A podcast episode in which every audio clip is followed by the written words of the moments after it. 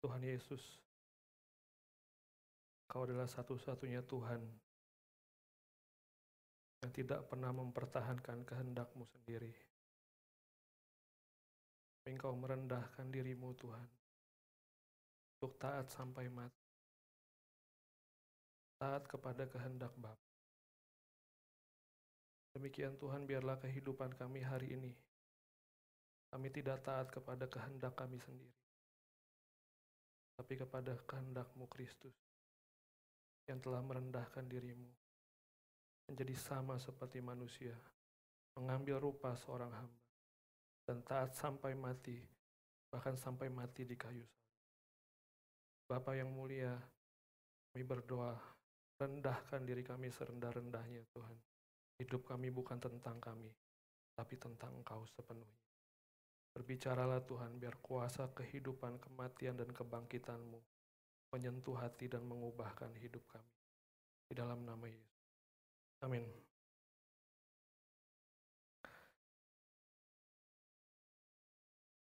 Teman-teman semua, eh, ketika Tuhan Yesus eh, di Taman Getsemani, that's why kenapa tadi aku putar cuplikan itu, ada di taman itu Yesus mengulang doa yang sama tiga kali. Dia bilang, Bapak, kalau boleh, lalukan cawan ini daripadaku. Tapi bukan kehendakku yang jadi, melainkan kehendakmu. Kemudian dia mengucapkan doa yang kedua. Bapa, kalau boleh, lalukan cawan ini. Tapi bukan kehendakku yang jadi, melainkan kehendakmu. Dan Alkitab mencatat dia berdoa yang ketiga kali dan mengucapkan doa yang sama. Dan di waktu itu Yesus berpeluh darah. Bahkan Alkitab berkata, Yesus bilang begini, Bapak aku takut sampai mau mati rasanya. Tapi kalau boleh, lalukan cawan ini daripadaku. Tapi jangan kehendakku yang jadi, tapi kehendakmu. Teman-teman itulah Tuhan kita. Yang gak pernah pentingin dirinya sendiri. Supaya hari ini kita hidup tidak untuk diri kita sendiri lagi. Di dalam doa yang sama tiga kali itu, dia berkata, lalukan cawan ini daripadaku. Tahu teman cawan, the cup, piala ya, cawan. Yesus bilang, lalukanlah cawan ini, aku tidak mau meminumnya. Dia bilang. Pertanyaannya, apa isi cawan itu ya? Pernah bertanya-tanya? Apa isi daripada cawan yang harus Yesus minum itu? Ada yang bilang anggur. Coba tanya kiri kanannya, apa itu isinya kira-kira? Menurut lu apa? Hah? Petler, Amer, apa keluar semua tuh hobi-hobinya langsung ya. Apa isi cawan itu? Ketika Yesus ditangkap oleh orang-orang eh, tentara-tentara Romawi pada saat itu kemudian Petrus menghunuskan pedangnya kemudian Yesus bilang gini sama Petrus, simpen pedangmu itu. Bukankah aku harus meminum cawan ini? Bukankah aku harus minum isi daripada cawan ini? Ya, apa isi cawan itu?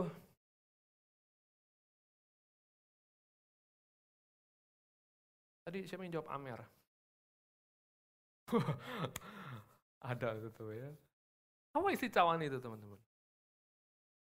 Kalau kita mengerti apa apa isi hati cawan itu, seharusnya kebenaran ini akan mengubahkan kita. Apa isi cawan itu sehingga Yesus bilang, aku nggak mau minum. Kalau boleh aku nggak mau minum. Tiga kali loh doanya sama loh. Teman-teman pernah doa yang sama berulang-ulang? Tuhan, tolong Tuhan. Ujian kali ini Tuhan, loloskan aku Tuhan. Gak lama doa lagi, Tuhan kalau boleh Tuhan, loloskan kali ini ujian yang ini Tuhan. Karena teman-teman begitu menginginkan hal itu, atau atau hal itu begitu penting. Dan itu yang Yesus ngomong. Kalau boleh lalukan cawan ini, lalukan cawan ini. Nah, masalahnya apa itu isi cawan yang harus dia minum? Kalau teman-teman mengerti apa itu isinya, itu akan mengubahkan kehidupanmu. Ada yang bilang cawan itu isinya penyalipannya. Benar nggak? Ada benarnya, tapi bukan itu sepenuhnya. Sampai Yesus nggak mau minum yang lagi bilang. Mari kita lihat di dalam Mazmur 75 ayat 9. Mazmur 75 ayat 9.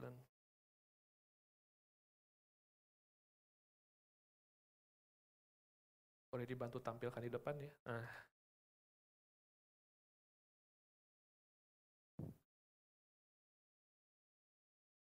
Tetapi aku hendak, eh apa ini? Uh, coba sebelumnya, ayat sebelumnya. Ya. Sebab sebuah piala ada di tangan Tuhan, berisi anggur berbuih, penuh campuran bumbu, ia menuang dari situ, sungguh ampasnya akan dihirup dan diminum oleh semua orang fasik di bumi ini. Jadi cawan yang Yesus mau minum itu Seharusnya itu bukan yang seharusnya dia minum. Kita tahunya dulu sebentar. Cawan yang Yesus bilang, kalau boleh lalukan cawan ini daripadaku, seharusnya cawan itu bukan dia yang minum. Seharusnya siapa yang minum? Kita bilang orang fasik di bumi ini. Siapa orang fasik di bumi ini? Itu kita semua. Jadi cawan yang Yesus mau minum itu seharusnya bukan dia yang minum loh. Tapi Alkitab berkata seharusnya itu kita semua yang minum. Orang-orang berdosa itu kita ya. Harusnya kita yang minum cawan itu. Tapi di ayat itu dia bilang isinya memang anggur. Anggur yang berbuih dia bilang. Teman-teman pernah dengar khotbah ini dijelaskan gak ya? Hari ini biar teman-teman dibukakan kebenaran lebih lagi. Dan anggur yang cawan yang harusnya kita Yesus minum itu bukan itu itu harusnya kita yang minum. Nah, apa isinya? Di dalam Yeremia 25 ayat 15 kita hari ini akan baca buka beberapa ayat. Yeremia 25 ayat 15. Yeremia 25 ayat 15. Beginilah firman Tuhan Allah Israel kepadaku. Ambillah dari tanganku piala berisi anggur apa? Kehangatan amarah ini dan minumkanlah isinya kepada segala bangsa yang kepadanya aku mengutus. Dari ayat ini kita tahu apa isi piala yang Yesus. Apa isinya? Anggur amarah Bapak. Ada yang suka dimarahin di sini? Ada yang suka dimarahin. Ya. Ketika Yesus di Taman Getsemani itu, dia bilang, Bapak kalau boleh lalukanlah cawan ini daripadaku. Bapak kalau boleh jangan marahlah. Isi daripada cawan itu adalah murka Allah. Allah yang murka. Yang seharusnya Allah itu murka kepada kita semua karena dosa-dosa kita. Tapi bukan kita yang meminumnya, tetapi Yesus.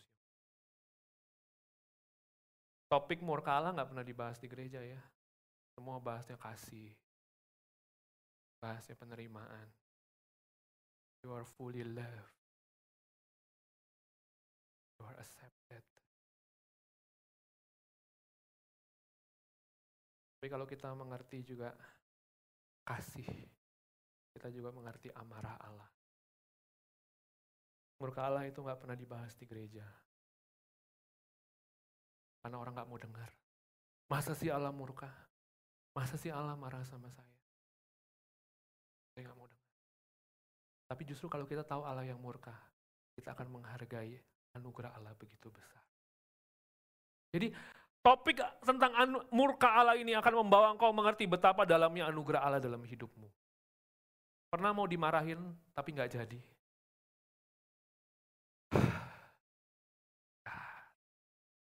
Peraturan hari ini gue kena omel. Tapi bos gue nggak dateng. Rasa anugerah ya. Makanya kalau engkau mengerti murka Allah dalam hidupmu, kau akan tahu seberapa besar anugerah Allah dicurahkan untuk. Jadi bukan untuk menakut-nakutimu topik ini. Ada banyak orang bilang, jangan khotbahin murka Allah ya. Harus khotbahin kasih Allah. Justru lewat murka Allah kau akan tahu seberapa besar kasih Allah dalam hidupmu. Kenapa Allah murka? supaya kita tahu betapa seriusnya dosa. Topik seriusnya dosa juga nggak pernah dibahas di gereja. You are forgiven. Ya itu benar. Tapi banyak orang cuma terima you are forgiven. Habis itu, dosa lagi. You are loved. Habis itu, dosa lagi. Kenapa? Dia nggak tahu seberapa seriusnya dosa yang dia buat. Kalau karena perkara kecil, kita mungkin tidak dimarahin sama orang tua kita. Benar? Ada yang di sini karena perkara yang kecil dimarahin sama orang tua kita? Ya ada sih orang tua yang memang ya begitulah manusia, dosa. Tapi kalau sampai kita menerima murka, karena ada ada hal yang serius. Nggak mungkin kita ini cuma salah kecil pecahin piring kita diusir dari rumah. Tapi lu diusir dari rumah kenapa? Lu pergi pulang malam, lu ke klub gitu, terus lu pulang jam 2 pagi, jam 3 pagi dalam keadaan mabok, diusir lu dari rumah. Murka sama bapak lu, kenapa? Karena pelanggaran lu begitu serius. Karena kenapa Allah murka untuk menunjukkan kepada kita, eh dosa itu serius. Dan masalahnya, gereja nggak bahkan dosa itu serius, sehingga jemaat habis itu apa? Buat dosa lagi. Dia nggak tahu dosa itu serius, sampai Allah murka sama dia. Dia nggak tahu dosa begitu serius sampai Allah murka dan Yesus bilang gini, kalau boleh gue nggak mau minum. Yesusmu yang harus minum dicekokin racun itu. Kita nggak pernah dengar khotbah kayak gitu. Jadi kita buat dosa seenaknya. Kita nggak tahu waktu kita buat dosa, itu Yesus yang minum tanggung murka Allah kita itu. Makanya biarkan kebenaran hari ini, topik tentang murka Allah membawa kita kepada anugerah. Supaya kita nggak lagi bilang, ah dosa ini nggak apa-apa lah. Dosa kecil. Dosa kecilmu buat Kristusmu mati di kayu salib. Dosa kecil kita buat Yesus kita mati telanjang di kayu salib. Jadi nggak kita, mari hari ini, supaya kita nggak lagi bilang gini, ah nggak apa-apa lah. Murka Allah ada karena dosa begitu serius. Saking seriusnya, sampai Kristusmu turun ke bumi ini. Untuk menyelesaikan betapa seriusnya dosa yang buat. Halo, Kenapa Kristus turun? Kita suka bilang, ya karena Kristus mengasihi saya. Betul. Tapi yang lengkap jawabannya, karena engkau dan saya berdosa. Dan kau nggak bisa selesaikan masalah dosamu. Makanya Kristus perlu. Suatu ketika, aku ini pasang behel ya. Sebelumnya aku harus cabut gigi. Nah aku cabut gigi di salah di Universitas Indonesia tuh, tempat dokter gigi praktek, masih koas. Kenapa? Karena mau murah. Hmm, itu jawabannya. Kalau cabut gigi bungsu itu berapa juta ya? Ada yang pernah cabut gigi bungsu?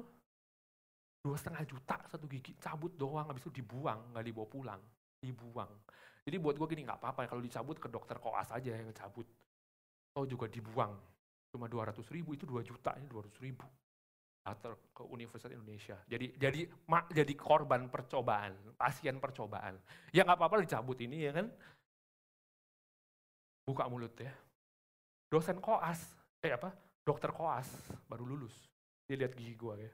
Oke, siap ya. Oh gayanya siap ya, siap ya kan. Ya udah siap lah mau apa lagi tinggal buka mulut ya. Mau siap nggak siap ya udah mau, mau bilang nggak siap dok gitu, mau pulang siap gitu. Oke disuntik ya bius bius ya kan. Berasa kebas iya segala macam ya oke oke oke gitu. Oke tindakan. Krek krek krek krek. Dia bilang gini. Kok keras ya giginya? Terus gue bilang gini, dokter ini dokter kan?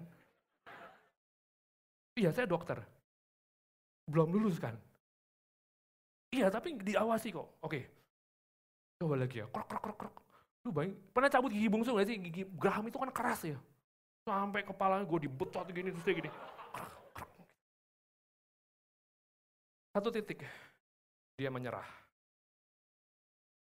Dia bilang gini, keras ya. Dia pergi, dia panggil dosen seniornya. Dok, dok, dok. Keras dok. Dosen seniornya turun ya, dokter ya. Duduk sebelah. Siap ya pak? Ya ilah tanya lagi.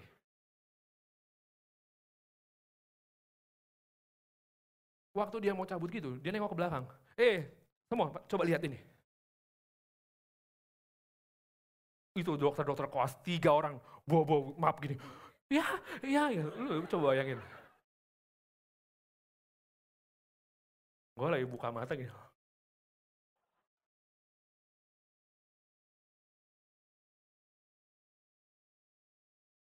Putar, cek. Terus dia kasih ke dokter yang kuasa dia. Nih, dia pergi.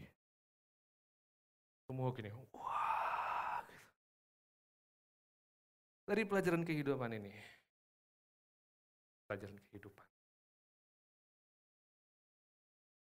Karena masalah ini begitu susah, seniornya perlu turun. Mari lihat kiri dan kanan. Hidupmu tuh susah diperbaiki.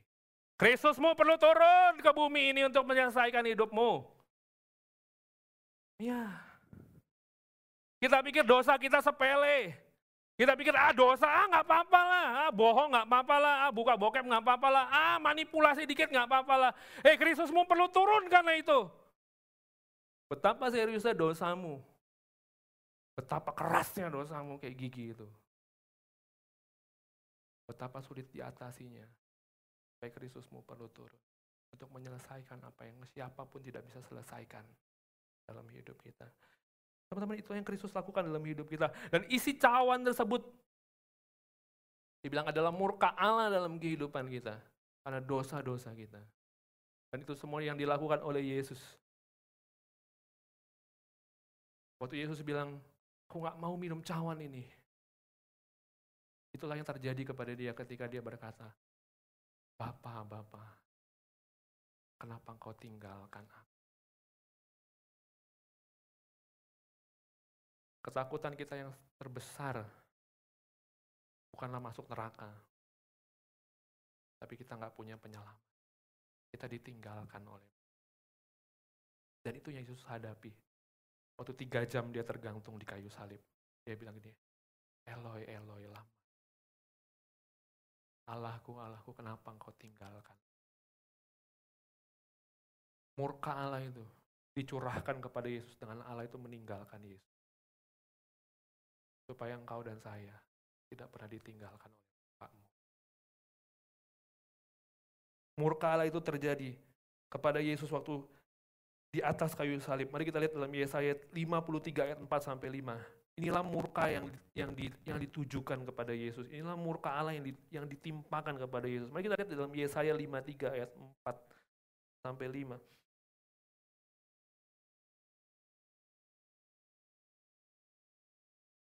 Udah ketemu? Di depan ada? Ya, di depan aja deh. Kita berkata, tapi sungguhnya penyakit kita lah yang ditanggungnya, dan kesengsaraan kita lah yang dipikulnya. Padahal kita mengira, yang pertama, Kristus kena tulah. Tahu kena tulah? Kena kutuk. Orang yang dulu kena kutuk tuh najis. Orang yang dulu kena kutuk tuh nggak boleh kita pegang dia, nggak boleh kita dekat sama dia. Najis kena kutuk. Di dalam murka Allah, Yesus itu seperti orang yang terkutuk, najis. Supaya hari ini kita yang ada dalam kenajisan, bisa hidup dalam kekudusan. Dia bilang, dia dipukul. Dipukul. Ditonjok mukanya. Kristusmu ditonjok mukanya. Dikebukin orang.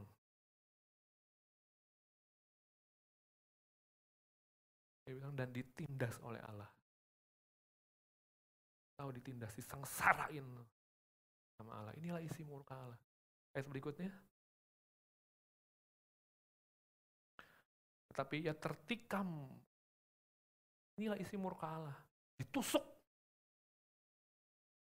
Karena dosa kita ditusuk, ditikam, lambungnya ditusuk, tangannya ditusuk, kakinya ditusuk, kepalanya ditusuk.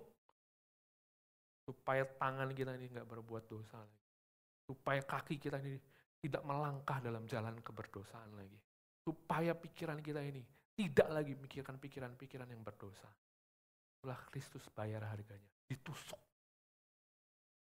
Karena dosa-dosa. Dia tertikam oleh karena pemberontakan kita. Dia diremukkan oleh karena kejahatan kita. Dia diremukkan, dihancurkan. Dia itu dicambuk sampai hancur tubuhnya. 49 kali cambukan. Semua dia dicambuk pakai duri-duri, pakai tulang-tulang binatang. Tali-tali itu di, dikaitkan dengan tulang-tulang binatang. Lidah kita ketusuk sama duri ikan aja sakit ya. Ini tulang-tulang hewan semua untuk menghancurkan tubuhnya. 49 kali. Apalagi ayatnya? Dia diremukan oleh karena kejahatan kita. Ganjaran yang mendatangkan keselamatan bagi kita. Apa? Ayat berikutnya. Ditimpakan kepadanya. Dan oleh bilur-bilurnya. Kita jadi. Di dalam murka Allah. Kristus itu harus dikutuk supaya kita diberkati. Amin. Supaya kita nggak lagi terkutuk. Dia ditolak, dia menjadi najis, dia dipukul. Kita bilang, oh nggak apa-apa saya buat dosa kok. Cuma gini doang, Kristusmu dikebukin karena itu. Oh nggak apa-apa kok, nyontek sedikit. Oh nggak apa-apa kok, bohong sedikit. Kristusmu ditindas karena itu.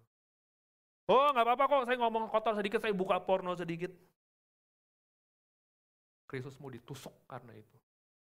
Kepalanya ditusuk karena itu. Tangannya ditusuk. Kakinya ditusuk. Supaya kita hari ini dengan setelah kita dengar khotbah ini, kita nggak lagi bilang, nggak apa-apa. Kristusmu diremukan karena itu.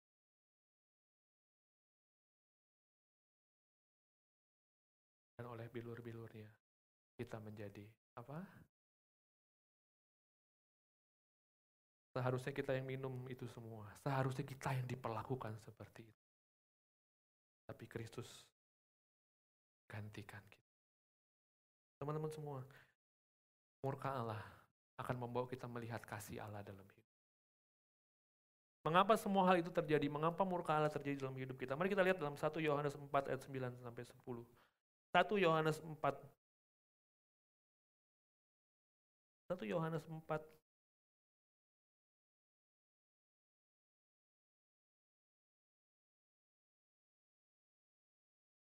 Boleh dibantu tampilin ya. 1 Yohanes 4 ayat 9 sampai 10.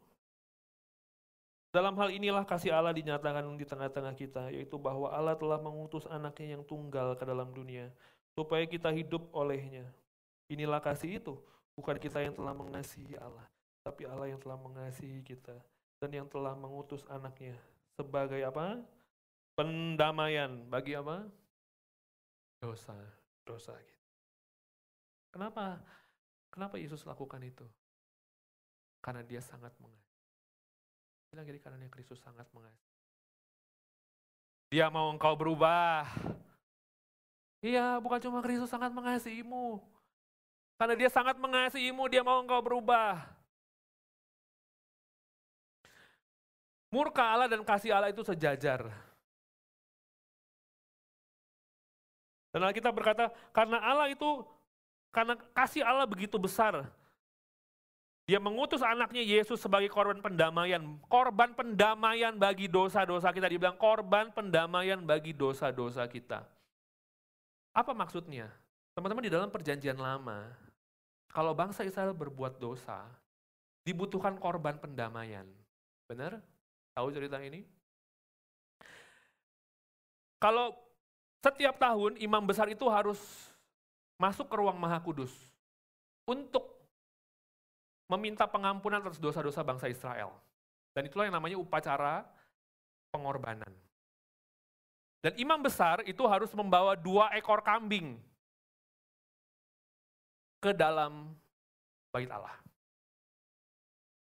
Kambing yang pertama Jadi dua ekor kambing ini kemudian imam besar itu harus lempar undi. Mana yang duluan? Nah, kambing yang pertama ini, yang duluan kena undi, itu harus dibunuh. Jadi kambing yang pertama ini harus dibunuh, darahnya dipercik di atas uh, apa namanya tutup uh, tutup uh, pendamaian itu ya di ruang maha kudus. Darahnya harus dipercik. Nah ini kematian kambing ini untuk korban pendamaian. Nah ini meng, ini mengartikan bahwa murka Allah itu sudah diredam karena kambing ini udah dibunuh, darahnya dipercik di ruang maha kudus. Ini korban pendamaian. Ya. Melambangkan sebuah sarana supaya Allah nggak lagi murka dan melalui korban itu ya korban itu seperti menggantikan menggantikan kita. Nah, yang kedua, kambing yang kedua kita lihat dalam Imamat 16 ayat 20 sampai 22. Teman belajar sedikit ya. Kambing yang kedua dalam Imamat 16 ayat 20 sampai 22.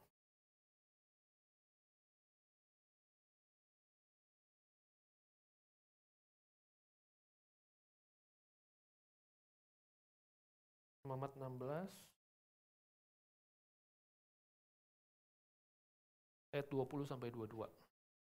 Setelah selesai mengadakan pendamaian bagi tempat kudus dan kemah pertemuan serta mesbah, ia harus mempersembahkan kambing jantan yang masih hidup itu. Dan Harun harus meletakkan kedua tangannya ke atas kepala kambing jantan yang hidup itu. Dan apa? Mengakui di atas kepala kambing itu apa? Segala kesalahan orang Israel dan segala pelanggaran mereka. Apa pun juga dosa mereka, ia harus menanggungkan semua itu ke atas kepala kambing jantan itu dan kemudian melepaskan ke padang gurun dengan perantaran seorang yang sudah siap sedia untuk itu. Jadi kambing yang kedua ini, imam ini akan taruh tangannya di atas kepala kambing ini, terus dia ngaku dosa.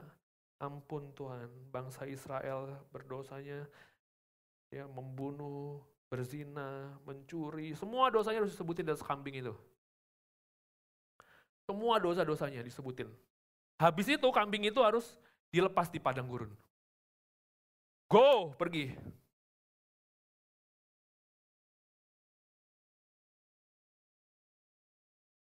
Ini tuh punya arti yang kedua. Waktu kambing itu dilepaskan ke padang gurun, diharapkan kambing itu pergi ke padang yang tandus, gak ketemu apa pun, mati di sana. Dan jangan balik-balik lagi dosa-dosanya.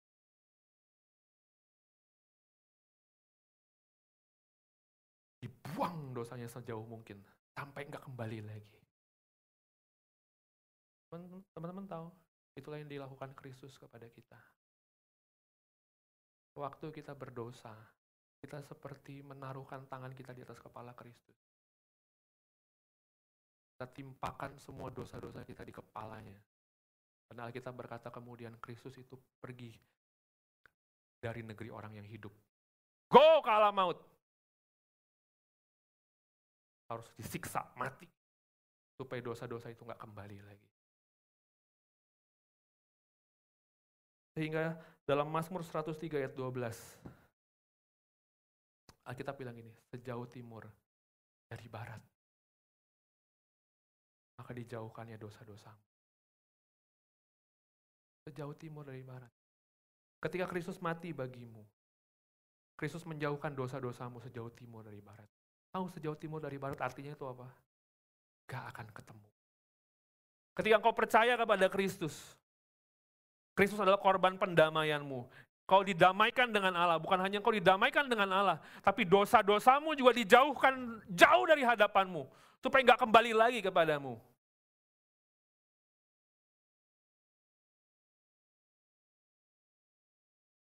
Kristus bukan hanya menanggung dosa-dosa kita, dia menjauhkan dosa-dosa kita daripada kita.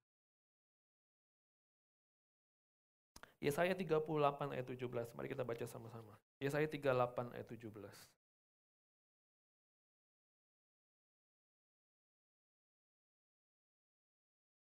Sesungguhnya penderitaan yang pahit menjadi keselamatan bagiku. Engkaulah yang Mencegah jiwaku dari lubang kebinasaan. Sebab engkau telah melemparkan apa? Segala dosaku jauh dari hadapanmu.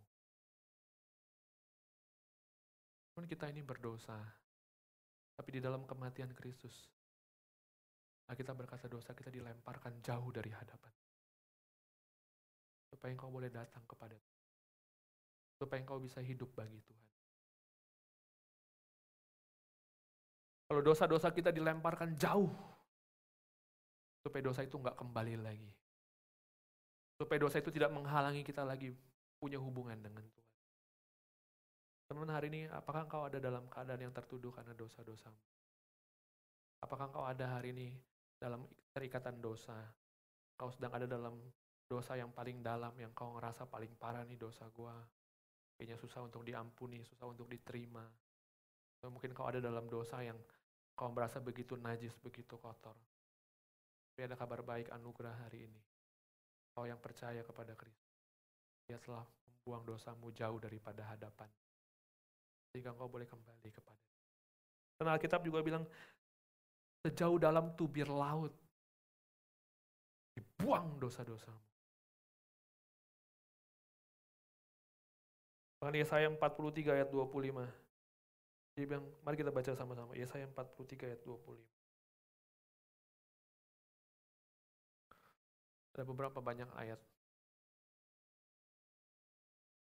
Aku, akulah dia yang menghapus dosa pemberontakanmu. Oleh karena aku sendiri. Dan aku tidak mengingat-ingat dosa. Kristus bukan lupa sama dosa-dosa kita. Dia bukan kayak kita yang suka lupa taruh barang di mana. Dia nggak mau ingat-ingat dosa kita. Waktu kita datang ke hadapannya, dia udah gak ingat-ingat dosa kita. Teman kita suka ingat dosa kita ya. Kemarin kan habis begini. Ah kemarin kan begini. Tapi Kristusmu gak seperti itu. Hari ini teman-teman, dosamu dibuang jauh dari hadapan. Seperti Kristus. Ya, seperti kambing itu dilempar. Go! Jangan balik lagi.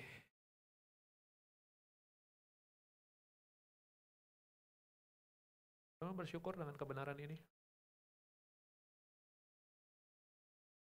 Mungkin khotbah ini tidak seperti yang diharap. Ini khotbah doktrinal. Supaya membentuk rangka berpikirmu. Imanmu. Sehingga dalam berbagai keadaan kau ada dalam dosa, kau kembali kepada kebenaran ini, kau tahu kau diampuni. Hari ini apa yang menjadi dosa-dosa kita hari ini? Dosa-dosa yang kita, kita lakukan. Dosa-dosa yang kita sedang bergumul mungkin dosa pornografi, mungkin dosa kenajisan, mungkin dosa pemberontakan kita. Adakah dosa-dosa yang hari ini membuat kau merasa malu, merasa menyesal, tertuduh? Semua itu telah dibuang jauh oleh karena kematian Kristus. Mika 7 ayat 19. Boleh catat nanti ayat-ayat ini ya supaya jadi pegangan dalam hidupmu. Jangan pegang quotes-quotes orang. Pegang firman ya. Mika 7 ayat 19. Biarlah ia kembali menyayangi kita, menghapuskan kesalahan-kesalahan kita, dan melemparkan segala dosa kita ke dalam tubir-tubir laut. Teman-teman tahu tubir laut? Kalau orang IPS tahu belajar geografi belajar geografi nggak anak sekarang? Geografi itu di dalam laut itu ada gunung laut, ada palung laut, ya kan? Belajar nggak sih, ya kan? Dan ada bagian di laut yang paling dalam cekungannya, itu tubir laut. Kita bilang Allah itu melemparkan dosa kita ke dalam tubir laut. Paling dalam. Lewat kematiannya dia ampun. Dia buang dosa kita sampai ke paling dalam, supaya nggak nongol-nongol lagi. Supaya nggak bisa ditemukan lagi. Supaya nggak bisa dicari lagi. Karena dia sangat mengasihi kita. Allah sangat ingin menyingkirkan dosa kita. Karena pengorbanan anaknya Kristus itu tidak ternilai harganya. Ia sangat ingin memberikan kepada kita orang-orang berdosa ya, pengampunannya dengan berlimpah. Dalam bersyukur hari ini kita adalah orang-orang yang diampuni oleh Tuhan.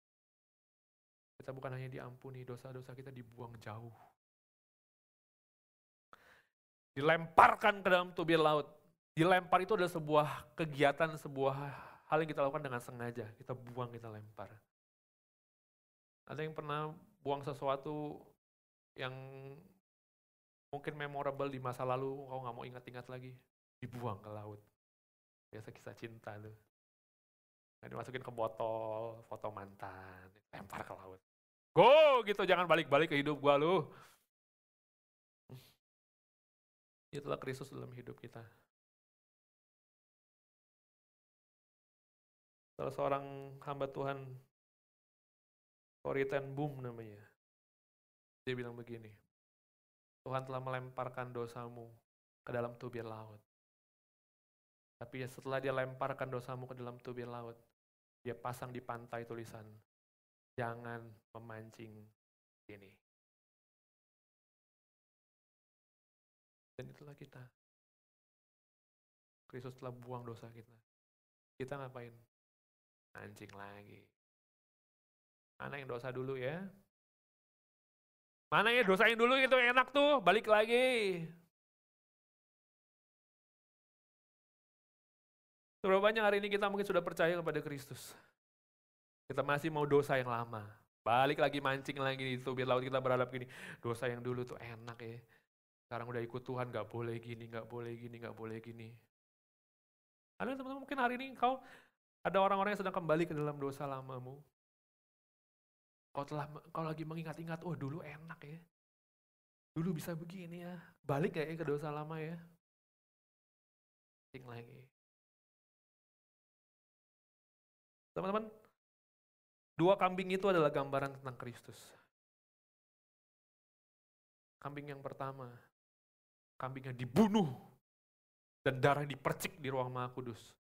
Itulah gambaran Kristus, Kristusmu yang dibunuh dan darahnya tercurah untuk. Kambing yang kedua juga tentang Kristus. Menggambarkan Kristus. Yang dosa-dosa kita ditimpakan kepadanya. Habis itu kambing itu go kelepasan di padang padang tandus, nggak ada air, mati kau di situ. Itu gambaran Kristusmu. Yang dosa-dosa kita ditimpakan kepadanya, lalu go pergi dari negeri orang hidup, Alkitab bilang gitu. Mati kau di sana bawa pergi dosa-dosa umatmu. Itulah Kristusmu. Dia dibunuh supaya kita hidup. Amin. Dia dipisahkan dari negeri orang hidup. Dia ditinggalkan oleh Bapa supaya engkau diterima sepenuhnya. Supaya dalam kehidupanmu, suatu saat nanti, kau tidak akan mati selama-lamanya tapi kau akan hidup selama. Teman-teman, aku ingatkan berulang-ulang. Satu hal yang paling harus kita syukuri. Ya kita anak muda, kita gereja, anak muda, kita anak pelajaran, mahasiswa. Satu hal yang kau, kau harus paling syukuri dalam hidup. Suatu saat kau mati nanti di dalam Kristus, kau akan buka matamu kembali lagi. Untuk melihat kepada Kristus. Karena Yesus telah mati bagimu supaya engkau nggak mati selama-lamanya. Tapi suatu saat nanti kau akan buka mata, berjumpa dengan dia. Kristus itu telah ditolak, pergi mati dari negeri orang hidup. Supaya kita tahu sepanjang hidup kita, kita aman dalam tangan Tuhan yang mengasihi kita. Kalau kita mengerti kebenaran ini teman-teman, kau akan mampu menyelesaikan masalah-masalah hidup. Masalah kau takut, kau khawatir akan hari esok dapat diselesaikan dengan kau tahu pribadi yang paling mengasihimu. Kau takut ditinggal teman-temanmu, kau takut ditinggal keluargamu, engkau takut hidup sendiri, engkau takut ditolak. Kalau engkau tahu kebenaran bahwa Kristus telah ditolak supaya engkau diterima, seharusnya ketika orang menolak engkau, gak jadi masalah dalam hidupmu. Kalau kita mengerti doktrin ini, kalau kita mengerti kebenaran ini, Dan kalau kita mampu mengaitkan semua persoalan hidup kita kepada kebenaran salib Kristus, kau akan temukan jawabannya. Makanya teman-teman aku nggak mau aku nggak mau khotbahkan cara, how to, trik, tips, langkah-langkah, gak ada gunanya. Masalah kita yang paling besar ada di sana dan jawabannya ada di sana. Amin teman-teman. Hari ini satu hal yang paling kita patut syukuri hari ini. Terima kasih Tuhan. Kau jadi kambing hitam dosa-dosa bahagia terbesar kita harusnya keselamatan. Bukan waktu doa-doamu di Ayat yang terakhir mari kita bersama-sama Ibrani 9 ayat 14. Nah, ini kita akan selesai. Ibrani 9 ayat 14.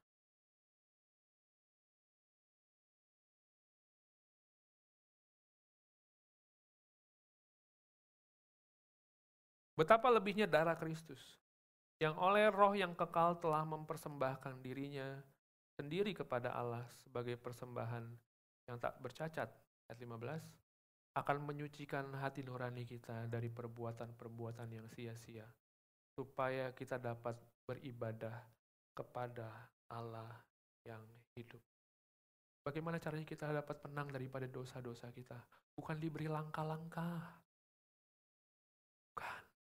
Bagaimana cara kita menang dari persoalan-persoalan hidup kita? Bukan dikasih how to. Kalau gereja-gereja lain sukain khotbah gitu.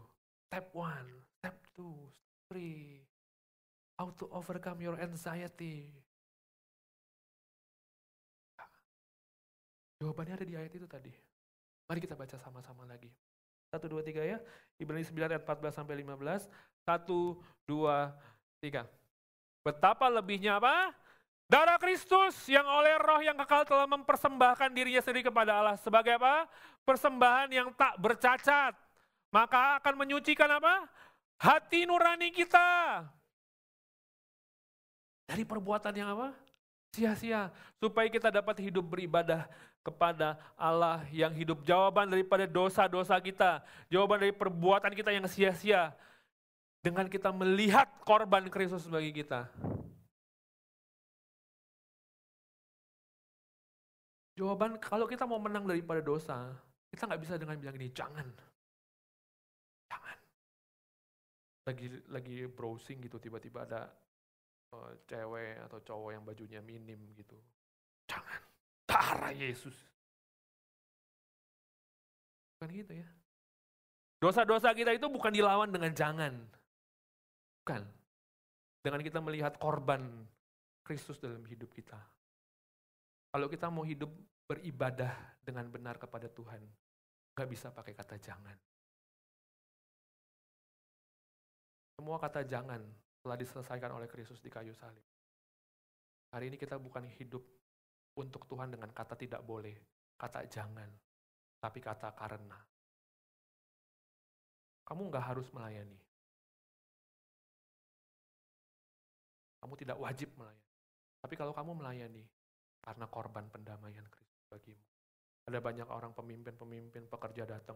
Saya capek kak melayani, bla bla bla bla bla. Saya udah nggak mau pelayanan. Kak Kevin itu tambahin beban saya pelayanan banyak ABCD ABCD ABCD gitu.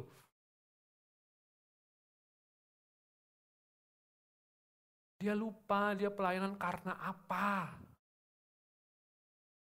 Karena korban itu telah basuh kakimu tuh, basuh suruh hidupmu bersih seperti salju.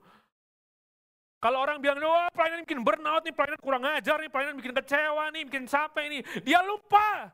Pelayanan karena apa? Karena Kristus mati bagi dia. Wah gereja nih suruh-suruh apa ya? Kasih persembahan, udah persembahan minta persepuluhan. Karena dia lupa Kristus telah berikan semuanya bagi dia. Teman-teman cara kita menang daripada dosa, dengan kita perlu melihat korban itu sekali untuk selama-lamanya bagi. Hidupmu akan berubah. Mari tinggalkan kata jangan. Kau harus hidup kudus. Oh gereja harus main. Harus hidup kudus ya gitu. Pembina-pembina kita. Harus kudus, kamu harus hidup kudus. Banyak orang nggak mau hidup kudus. Jujur-jujuran aja. Tapi kalau kita lihat ada korban yang menguduskan kita sekali selama-lamanya. Kita akan hidup kudus karena korban itu. Teman-teman, cara kita menang daripada dosa.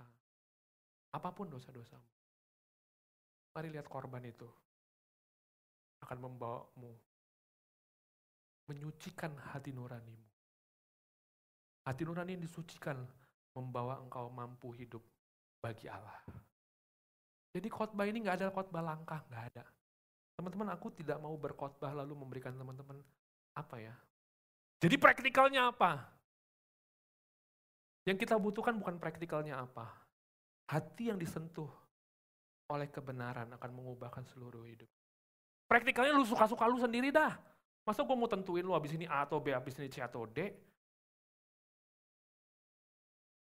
Karena buah daripada ketaatan itu personal sekali. Makanya khotbah-khotbah ini ya, aku berikan teman-teman sebuah kerangka berpikir kebenaran. Kembalilah ke sana. Semua jawaban kau akan temukan di sana.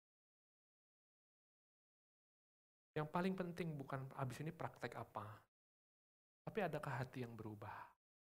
Adakah hati yang disentuh? Adakah paradigma yang diubahkan? Maka seluruh hidupmu pasti akan berubah. Makanya sasaran daripada mengkotbahkan Injil bukanlah kepada perbuatan dulu, tapi kepada hatimu. Makanya setiap hari teman-teman, inti daripada khotbah ini, setiap hari kita perlu mengingat Yesus yang mati bagi kita. Waktu kita mungkin mau jatuh ke dalam dosa, waktu kita mungkin ter, tergoda melakukan dosa.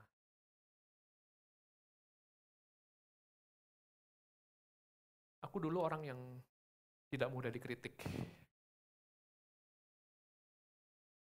Gue paling gak suka kalau dikritik. Dulu. Ketika orang kritik gue ya, gue terima. Mukanya nerima. Tapi pernah nggak teman berasa panas kayak mau mendidih gitu? Kayak ada sesuatu yang naik gitu. Jadi kalau orang kritik gue lama-lama kalau dia kelamaan bisa kena gue bacotin habis itu. Tapi kalau kritiknya bentar belum naik gitu masih aman dia. Gue itu nggak suka dikritik. Jadi kalau udah terlalu lama gitu dikritik, ya teman-teman pemimpin yang dulu tahu ya. Tuh Doni atau apa gitu. Doni yang paling sabar dulu kalau mimpi. Gue paling gak sabar ya. Oh David apalagi. Sabar.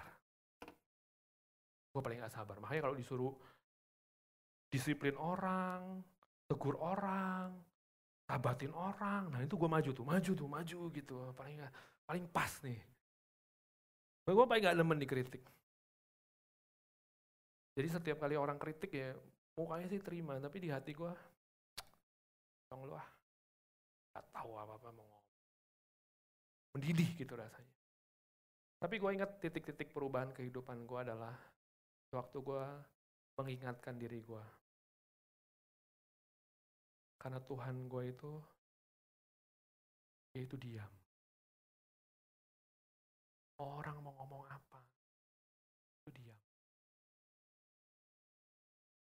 Dia nggak ngomong. Orang mau kritik dia, mau goncang-goncang dia, mau dorong-dorong dia untuk jawab. Itu dia. Sampai mati di kayu salib, Kristusmu tuh nggak ngomong apa-apa. Di atas kayu salib itu dia nggak ngomong apa-apa. Dia nggak bela dirinya sendiri sedikit pun. Aku lihat, aku mengingatkan diri aku kepada korban itu ya. Waktu orang-orang mulai kritik gitu. Aku pikir Tuhan, kau aja tuh diam. Kau panjang sabar. Aku yang buat engkau digantung di kayu salib. Kau pun gak pernah kutuk aku balik. Aku mengingatkan diriku kepada korban itu terus menerus. Hari ini aku rasa aku jadi orang yang cukup santai sebetulnya. Ya nggak sepenuhnya ya. Orang ngomong apa segala macam, dikritik, apa. Di, bukan dikritik doang, dituduh yang macam-macam, diomongin yang macam-macam. Hari ini aku jadi orang yang udahlah. Toh Kristusku juga seperti itu kok. Seperti domba yang keluh yang tidak membuka mulut. Teman-teman, kekuatan kita menang daripada dosa ada di kayu salib. Oleh sebab itu setiap hari kita perlu mengingatkan diri kita. Tuhan terima kasih. Hari ini orang berdosa seperti saya masih boleh bangun pagi. Semua karena Apa pun itu, pelayananmu, ingatkan dirimu. Saya ada hari ini melayani karena korban itu. Saya memberi karena dia telah beri saya duluan. Saya mau jaga hidup saya kudus, bukan karena pemimpin saya. Karena dia telah tebus hidup saya. Dosa-dosa saya itu seperti saya itu taruh tangan saya di atas kepala Yesus, kurang ajar nggak? Ya itu. Kambing itu seperti Yesus. Dosa-dosa ditaruh di atas kepalanya. Demikian kita taruh semua dosa-dosa kita di atas Kristus itu. Kurang ajar kita nggak? Nggak tahu diri kita. Kalau kita mengingat ini, setiap hari kita jadi orang yang tahu diri akan pengorbanan Kristus. Cara kita menang daripada dosa bukan dengan kita melawan dosa. Dengan kita kembali, ingatlah akan dia. Yang mati bagi kita, menyerahkan semua bagi kita. Mari kita datang kepada Tuhan. Hari teman-teman semua, adakah engkau yang datang ke tempat ini dengan penuduhan, dengan ketakutan, dengan penyesalan?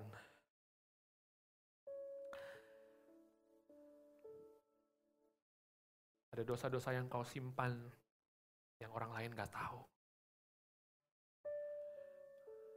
Ada dosa yang pernah kau lakukan di masa yang lalu yang menurutmu itu begitu parah, Mungkin kau melukai orang lain. Mungkin kau melecehkan orang. Mungkin kau jatuh dalam dosa kenajisan begitu dalam. Mungkin kau pernah marah dengan saudaramu lalu hubunganmu dengan saudaramu hari ini begitu hancur. Teman-teman, apakah ada dosa-dosa yang yang terbawa daripada masa lalumu sampai hari ini menuduh engkau? Mengintimidasi engkau. Adakah kesalahan-kesalahanmu yang hari ini seperti seakan-akan tidak pernah terha bisa terhapus daripada ingatanmu? Adakah dosa-dosamu di masa lalu yang begitu kau rasa begitu parah? Membayang-bayangimu, menuduhmu setiap hari.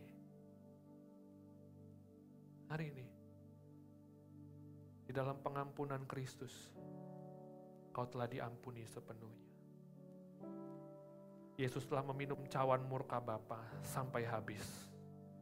Sehingga yang tersisa dalam piala itu, dalam cawan itu adalah anugerah Allah untuk hidupmu. Isinya adalah pengampunanmu. Kau diampuni total. Kau diterima sepenuhnya. Kau dikasihi seutuhnya. Dia telah melemparkan dosa-dosamu dari timur ke barat. Dia lempar dosamu sejauh dalam tubir laut. Supaya engkau tidak dapat menemukannya kembali. Adakah engkau hari ini datang dengan penuduhan demi penuduhan? Atau engkau baru jatuh dalam dosa? Kau tertuduh. Terima pengampunan Tuhan hari ini. Atau adakah di antaramu yang hari ini kau tahu dosa-dosamu telah dibuang sejauh dalam tubir laut? Kau berusaha memancingnya kembali. Kau berusaha untuk kembali kepada dosa-dosamu yang lama. Kau tahu dosamu telah diampuni. Kau tahu kau mungkin udah tinggalkan banyak dosa di masa yang lalu. Tapi mungkin hari ini ada engkau tergoda untuk kembali ke dosa-dosa lamamu. Kau seperti mau mancing lagi dalam laut di mana dosa-dosamu telah dijatuhkan, ditenggelamkan di sana. Hari ini bagaimanapun keadaanmu, mari kita kembali kepada korban Kristus. Ia adalah kambing yang di yang dikorbankan itu, ia adalah kambing hitam kita semua dosa kita telah ditimpakan kepadanya. Dan oleh bilur-bilurnya kita menjadi sembuh. Mari kita melihat kepada salib Kristus. Yesus yang tergantung di kayu salib. Dia mengampuni kita. Dia menyucikan hati nurani kita. Mari bawa setiap dosa-dosamu kepada dia. Mari akui dosa-dosamu. Mari akui dosa kenajisanmu dosa pemberontakanmu, dosa amarahmu, dosa percabulanmu, dosa iri hati, dosa ambisi, dosa kebohongan, dosa manipulasi, Mari kita letakkan di bawah kaki salib Tuhan. Kita ingat korban itu yang mati bagi kita selagi kita masih berdosa. Ampuni kami Tuhan. Ampuni kami Tuhan. Basuh hati nurani kami. Putihkan hati kami Tuhan. Kembalikan kami kepada hatimu. Kau telah buang dosa kami Tuhan begitu jauh daripada hadapanmu. Supaya kami mampu hidup kudus, hidup benar bagimu. Terima kasih Tuhan, kami mau datang kepadamu Tuhan. Terima kasih.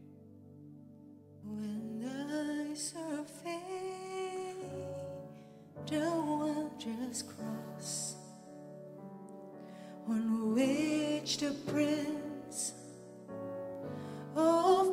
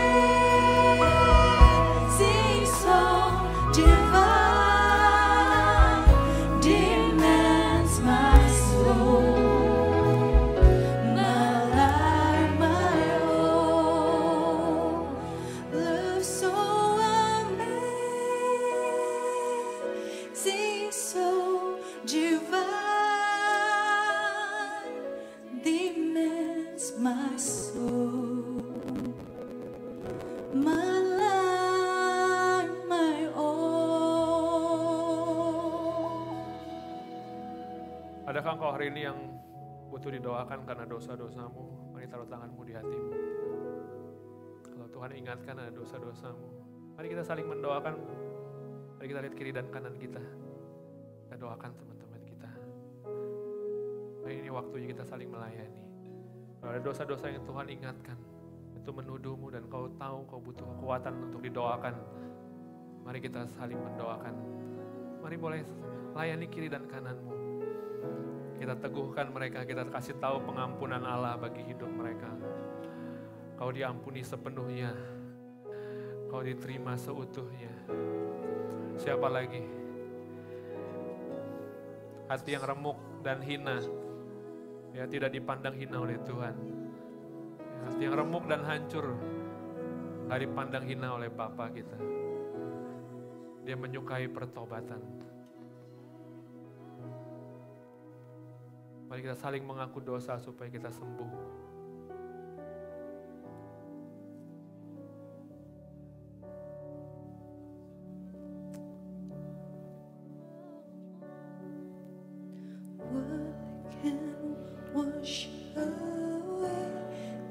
Terima kasih Tuhan. Dosa kami diampuni karena darahmu Tuhan. Oh, What can